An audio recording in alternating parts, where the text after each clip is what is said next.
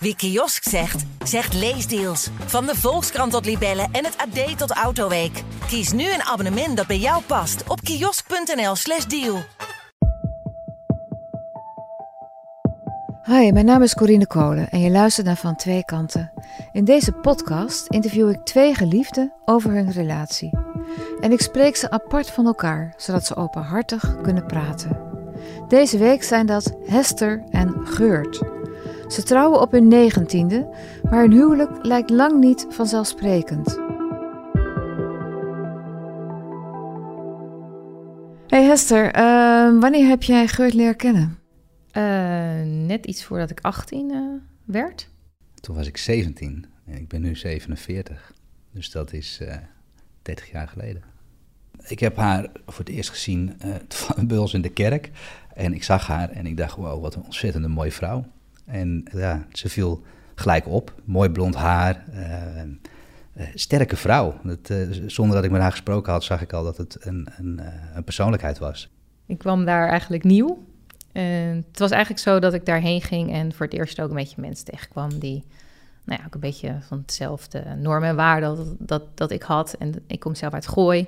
Ik had wel wat vriendjes gehad, maar ja, niet zo iemand als Geurt.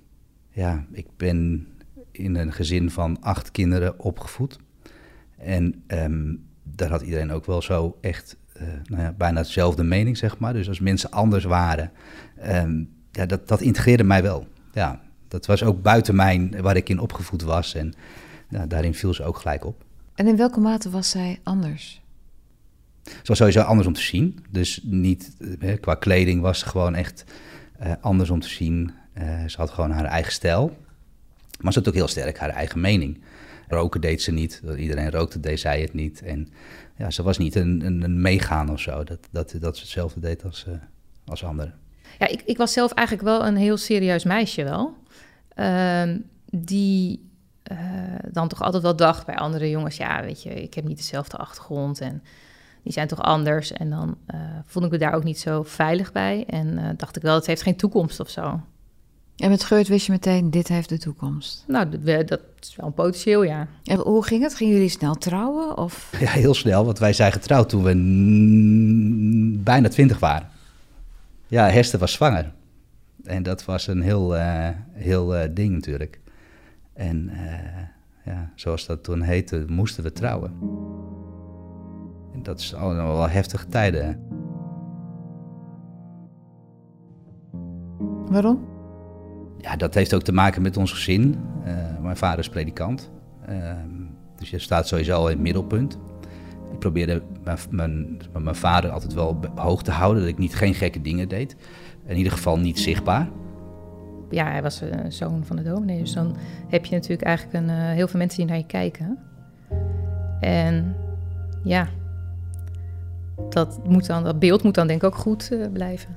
Heb je altijd gedacht van uh, uh, we gaan nu trouwen en dat is voor het leven? Ja, ja absoluut wel, ja. Ja, dat wel. Waarom? Waarom, waarom wist je dat ja. hij het was voor de rest van je nou, leven? Hoe kan je dat, dat, weten? Nee, nee, dat kan je niet weten. Het is denk ik echt een keuze.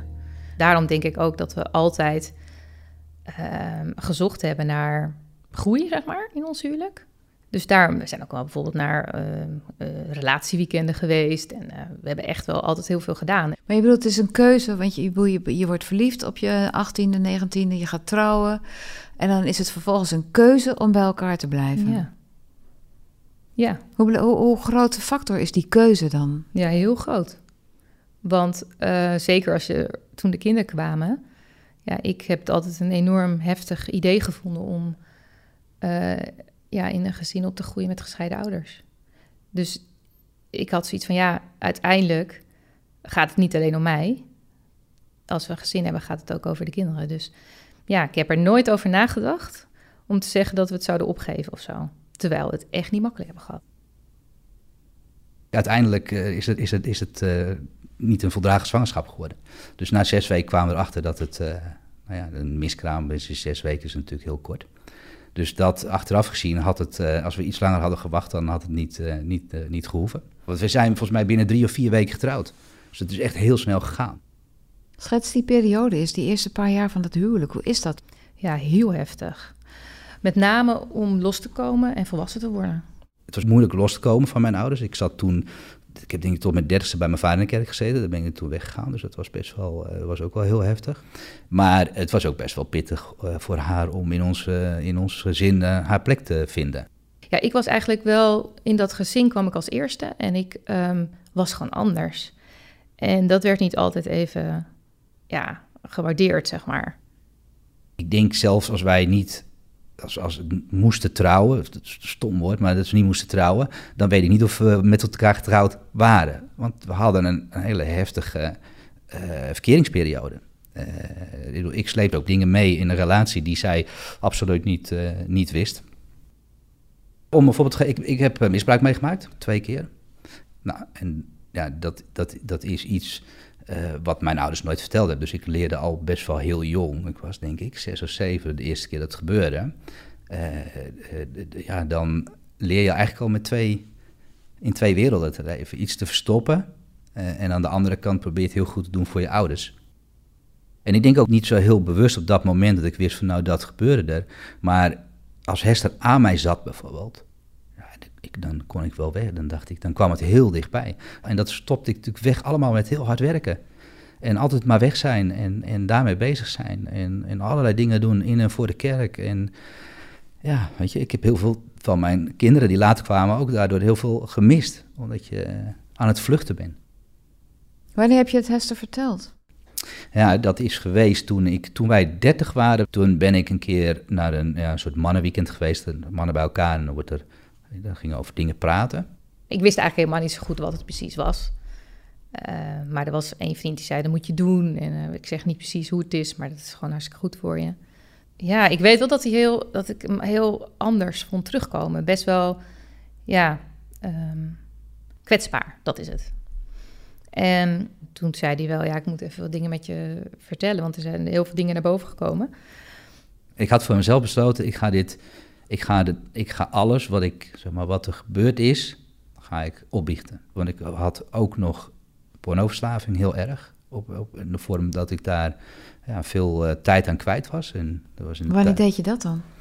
Uh, als ik s'avonds op mijn uh, kantoor zat. En dan moest ik ook nog eens een keer heel hard daarna doorwerken tot één uur. Omdat ik heel veel tijd kwijt was geraakt. En dat soort onzinnige dingen. Maar dat wist Hester nee, ook niet? Nee, en dat heeft hij langzamerhand verteld. Achteraf bleek hij, heeft er bijna een jaar over gedaan om alles te vertellen. Maar hoe reageerde jij daarop? Ik was natuurlijk wel heel verbaasd. Je, dit had ik ook helemaal niet verwacht. En uh, al die dingen die hij vertelde waren natuurlijk wel iets, dingen die ik niet van hem wist. Hoe reageerde Hester? Ja, onvoorstelbaar, uh, liefdevol, onvoorstelbaar. Um, ja, ook verdriet voor mij, wat ik had meegemaakt. En we, kwamen heel dicht bij elkaar daardoor. Want als we nog even teruggaan, ik heb, daarvoor hebben wij wel altijd heel veel um, nou ja, gevochten voor onze relatie door huwelijkstherapie. Of we gingen naar speciale weekenden toe, relatieweekenden. We zijn altijd wel op, op zoek geweest, dat had ik zelf ook wel. Weet je, we, we namen er niet genoegen mee van dat het moeilijk ging. Um, dus, dus we zijn altijd wel bezig geweest. Dus we waren wel gewend om te praten, alleen niet deze, in deze diepte en in deze eerlijkheid. Het is heel raar, want als iemand geheimen heeft of echt niet dingen met je deelt en die deelt dan wel dingen met je, ja, dat geeft juist een heel goed gevoel. Dus eigenlijk waren dat hele goede jaren, want um, ja, ik had wel het idee dat je dan je verbondenheid wel een stuk beter wordt als, je, als er in die zin geen geheimen waren. En kijk, nou praat ik alleen over Geurt, maar ik had zelf natuurlijk ook wel mijn dingen. Wat had jij zelf dan? Uh, ik had zelf ook echt wel een eetstoornis. En ja, dat was ook iets wat ik alleen had. Dat was ook niet iets wat. Daar wist hij niks van. Mm, nee. Ik denk ook niet dat. Wie, niemand wist dat, denk ik. Waar bestond die eetstoornis uit? Nou, eh, de ergste, de ergste periode was echt dat ik continu mijn, mijn eh, vinger in mijn keel deed. En dat ik dat echt wel ja, heel veel keer per dag deed. Je hebt allebei heb je dus ook dingen die je moet, uh, uh, moet opruimen. Ja, en met een opgroeiend gezin. Dus dat was gewoon altijd, uh, liep natuurlijk parallel. Ja. Nou, dat zeg dat 2006 is geweest dat ik, dat ik open ging. Dus dat ik dingen ging vertellen. En dan eh, is het een opluchting. Maar ik heb het ook wel tegen mijn ouders verteld, ook tegen andere mensen verteld. Ik ben altijd heel, ja, wij zijn altijd wel heel open. Ehm, en dat, aan de ene kant voelde ze een op, opluchting. En ergens is het later geweest dat je ook weer, ik ben heel kwetsbaar. Ja, hij uh, werd steeds stiller en ehm, dat was ook toen die crisis ook uh, er was. En ja, ik wist ook niet zo goed wat er met hem aan de hand was. Ik merkte gewoon wel heel erg dat, hij, uh, dat er wat was en niet lekker in zijn vel zat. Toen is hij weer opnieuw begonnen. Hij wilde een bedrijf kopen. Toen heeft het uiteindelijk niet gekocht. Dus toen is hij zeg maar weer alleen begonnen, eigenlijk bij ons op zolder, zeg maar. En dat heeft hem gewoon wel, ja, dat vond hij heel lastig. Um, ik, ik weet dat in 2009 dat ik, dat ik heel onzeker werd. Dus ook als ik bij vrienden was of bij, bij andere mensen. Dus werd ik onzeker, dacht ik van ja, zij hebben het veel beter voor elkaar. Zowel met hun bedrijf of met hun werk. Maar die hebben ook niet dat soort dingen geflikt die ik, uh, die ik geflikt heb. En ik werd langzamerhand steeds onzekerder. en dat mezelf. resulteerde uiteindelijk in? Uh, dat ik in contact kwam met een andere vrouw. Ik weet nog dat mijn zus ging trouwen in Amerika. Dus we moesten met het hele gezin daarheen. En dat Geurt iets had van, ja, weet je, als ik nu twee weken wegga, ik, dat kan gewoon niet, want ik ben net begonnen. En dat zie ik helemaal niet zitten. En uh, nou ja, die vond dat echt alleen maar heel erg lastig. Dus toen heb ik gewoon gezegd, nou ja, goed, ga je toch niet mee? En dan uh, ga ik alleen met de kinderen. En dat is de periode dat ook dat uh, contact is ontstaan. Wat gebeurde er precies? Uh, nou, we, hadden, we, hadden, we, we kenden elkaar natuurlijk, de, of we kenden elkaar. En ik weet dat toen Hester in Amerika was, dat ik een appje van haar kreeg. En zei van, uh, nou, succes alleen. En, maar volgens mij gaat het niet goed met je en zit je niet lekker in je vel. En zo is dat ja, ontstaan met, uh, met appen. En ja, langzamerhand ging dat, uh, ging dat verder. En Hester die zat in Amerika. En, en in die tijd werd Geurt ook steeds afstandelijker. Um, en uiteindelijk weet ik nog wat ik het voelde. Toen ik haar een keer zag en, en, en, en Geurt. Toen zei ik, er is iets niet goed hoor. Ik voel, dit is, wat is er aan de hand? Ja, uit, uiteindelijk zei, heeft Hester gezegd, je hebt wat met haar. En dat ontkende ik natuurlijk elke keer. En um, Hester en ik hadden, hadden uh, op een avond even hele flinke um, ruzie. En um, toen was gebeurd dat ik dus wegging. En ze had een hond. En toen kwam ik haar tegen. En toen hebben we staan zoenen. Uiteindelijk ben ik, denk een week later, gebeld door een vriend van mij die zegt: Is dit waar? Want ik heb van iemand gehoord dat jij stond te zoenen met een andere vrouw. Dus ja, toen kreeg ik wel het verzoek om dat even te vertellen. En toen heb ik het verteld. Ik dacht wel van ja, het was, uh, was een periode waarin je allebei kwetsbaar bent en elkaar daarin wel weer vindt. Dus ja, en toen gebeurde dit en dat had ik echt niet zien aankomen. Ik heb het verteld tegen Hester. En uh, uh, toen was, dacht Hester nog eerst van ja, weet je, het is bij, bij zoenen gebleven. Maar toen ging het van, van kwaad tot erger. Ik was veel aan het appen met haar. Toen ging ik ook stiekem uh, naar haar toe. En dat bleef toen ook zeg maar, nog bij, bij, bij zoenen. Maar ja, wij groeiden steeds verder uit elkaar. En Hester voelde wel, ja, het, het klopt gewoon niet. En zij woonde niet ver bij ons vandaan. En ik ging er gewoon heen. En dan zet ik mijn auto ergens stiekem neer. En dan, dan, dan ging, ik daar, ging ik daar naar binnen. Wat voor verhaal had je tegen jezelf? Hoe praatte je dat zelf voor jezelf goed? Ja, dat is, dat is iets wat, wat, wat, wat ik heel moeilijk vind, wat ik toen gedaan heb. Want wat je, je wil jezelf wil je uh, in het reine praten. Je wil zeggen van, uh, uh, dat zijn voor mij ook de standaard dingen die ik hoor als ik met mensen spreek die in een vergelijkbare situatie zitten. Ik ben nooit gelukkig geweest. Onderdrukt, zo heel erg zwart-wit gezegd, heel heftig gezegd, maar dat was het wel een beetje. Dus wat ik heel sterk heb gedaan, is dat Hester haar zeg maar, de, de kracht die Hester heeft, die heb ik ook naar andere mensen gewoon elke keer weten om te buigen in van ja, maar ja, weet je, ze, ze, ik kon nooit zelf mijn vakanties uitzoeken of ik kon, weet je, dus ik ging, ik heb haar heel erg zwart gemaakt bij, bij vrienden, bij mensen om ons heen, uh, om mezelf goed te praten. Hij zei op een duur ook tegen mij van, uh, ja, ik heb me eigenlijk nooit gelukkig gevoeld en ik heb het gevoel dat ik vastzit hierin. En nou ja, dan kan je natuurlijk ook noemen, we zijn veel te jong getrouwd. Ja, ja toen, alles eigenlijk waar ik sterk in was, dat, dat zei hij dat dat eigenlijk zijn hele leven al een probleem was geweest. Dus ja, ik wist niet wat ik hoorde. In het begin dacht ik, oké, eh, eh, hij, heeft allerlei, hij zei allerlei dingen die mis waren ons huwelijk. Dus ik heb me daar in het begin heel erg gezegd van, nou, laten we er dan over gaan praten. En dan wil ik ook wel wat aan doen. Totdat er een moment kwam dat, dat het echt niet meer ging tussen Hester en mij. En toen ben ik weggegaan en heb ik een tijd ergens anders gewoond. Hij is van het huis uitgegaan. Heeft hij ergens een huisje gehuurd. Dus ging die weg. Ja, ik vond het was ook voor mij echt. Ik snapte er helemaal niks van. En daarbij ben ik natuurlijk mezelf enorm tegengekomen. Want dan, uh, ja, ik had echt het gevoel van je bent al zo lang met elkaar. Um, hij voelt als je beste vriend altijd degene, als we wat hadden, hadden we wel elkaar. We hebben het samen gedaan en nu was ik ineens alleen.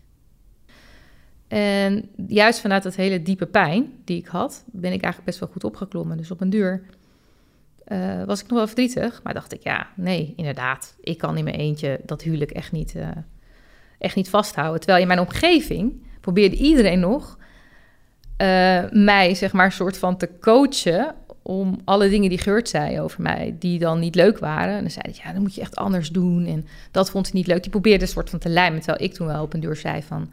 nee, weet je, dit is helemaal niet meer. Ik werd steeds sterker.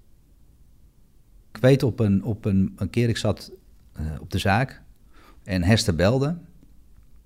En toen we zouden spreken over de advocaten en over de dingen die ik moest gaan klaarmaken. En we kregen in één keer zo'n goed, nou, goed gesprek. Ik, ik, nou, vooral dat ik, ik hoorde zo'n rust in Hester's stem en zoveel... Um, ze zei tegen mij, ik heb je losgelaten.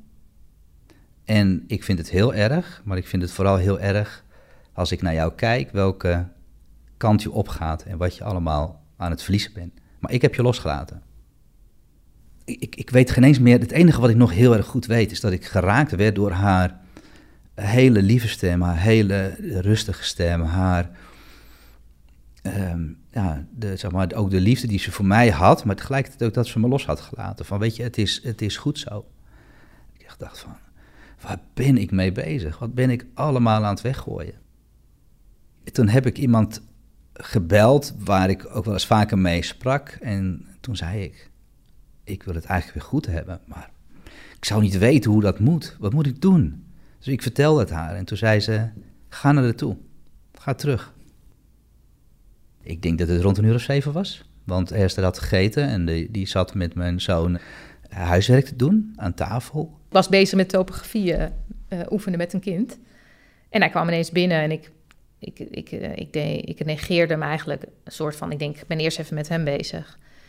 En toen ik daarmee klaar was, toen, uh, toen, toen keek ik naar hem en toen dacht ik, nou, dit is iets anders. En toen heb ik gezegd, het spijt me, wil je me een nieuwe kans geven? Hij zegt, ik vind het zo erg en ik heb zoveel spijt. En ja, ik, baal, ik vind het gewoon heel erg. Wat was, wat was dat voor mindswitch dan van hem? Ja, ik weet Ik denk dat dat ik wel anders was. Ik was inmiddels wel dat ik dacht van, ik had mijn eigen leven, ik, ik was wel sterker geworden. Dus ten eerste was ik echt door deze hele afschuwelijke tijd 35 kilo afgevallen. Dus ik zag er sowieso al totaal anders uit, wat me to toen best wel goed uitkwam. Dus ja, ik had nieuwe kleren, uh, ik was naar de kapper geweest. Ik had dacht, ik neem ook een ander parfum. Dus elke keer, zeker die tijd daarvoor, als hij dan daar kwam, dacht ik, ja, ik ik liet, hem niet, ik liet me niet meer van mijn stuk brengen, zeg maar. Wat hij natuurlijk daarvoor wel heel erg kon. Maar je was niet zo ver dat je dacht toen, die nieuwe, toen hij binnenkwam van nou sorry, maar het is gewoon te laat. Nee. Waarom niet? Ja, omdat ik zo, ik was heel sterk. Ik dacht nou, dat, ja, dan, hoe dan ook, dan komen we hier wel uit. Maar is dat dan weer vanuit datzelfde keuze-idee van waar je het in het begin over had? Van je krijgt verkering, uh, maar je kiest er vervolgens voor om bij elkaar te gaan. Dat gaat niet vanzelf, maar je kiest daarvoor. Ja, dus, daar doe je je best voor. Dat doe je best voor. Dat is weer datzelfde principe eigenlijk. Nou, ik, ik, dacht, ik, um, ik dacht voor de kinderen wilde ik dit helemaal niet. Ik vond het afschuwelijk. Maar het was gewoon, het kon niet anders. Um, en toen, hij, toen ik hem weer herkende, zeg maar, ehm, doordat hij naar me toe kwam, dat ik dacht van, dit- voor het eerst was hij anders na al die maanden. Ja, toen dacht ik wel van ja, daar moet, dat moeten we gewoon gaan proberen. Meteen dacht je dat.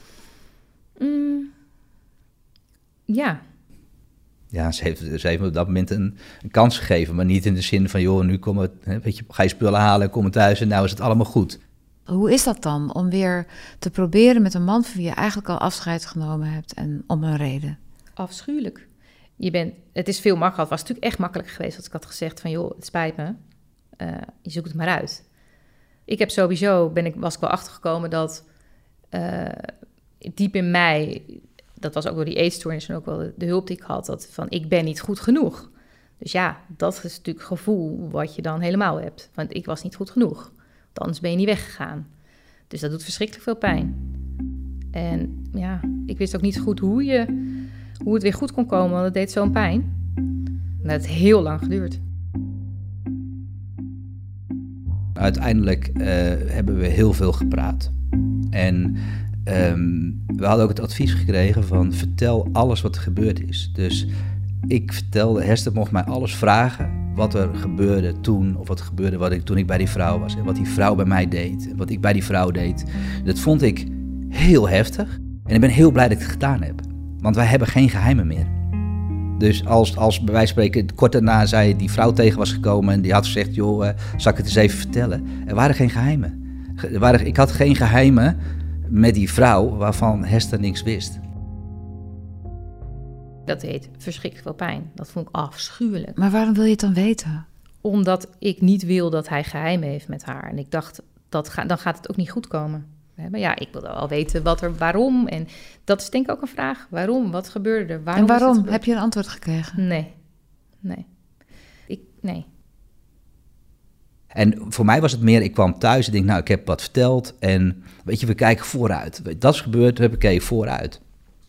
Totdat er iemand naar ons toe kwam en die tegen mij zei, eh, die het hetzelfde had meegemaakt.